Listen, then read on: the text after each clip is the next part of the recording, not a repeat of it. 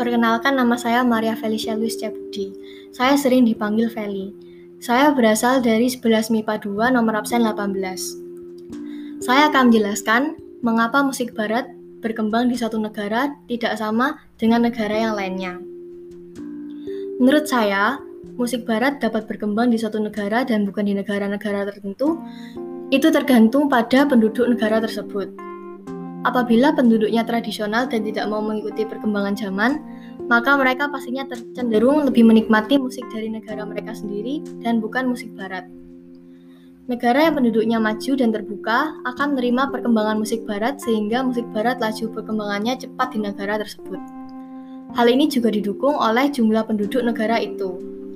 Apabila penduduk negara sedikit dan orangnya tradisional, maka pastilah musik barat tidak berkembang di negara itu. Apabila negara tersebut penduduknya sedikit namun mereka mau menerima musik dari luar, maka musik barat dapat berkembang di negara tersebut. Negara yang memiliki jumlah penduduk banyak, maka ada peluang musik barat bisa berkembang di negara tersebut, namun ada pula peluang musik barat tidak berkembang di negara tersebut.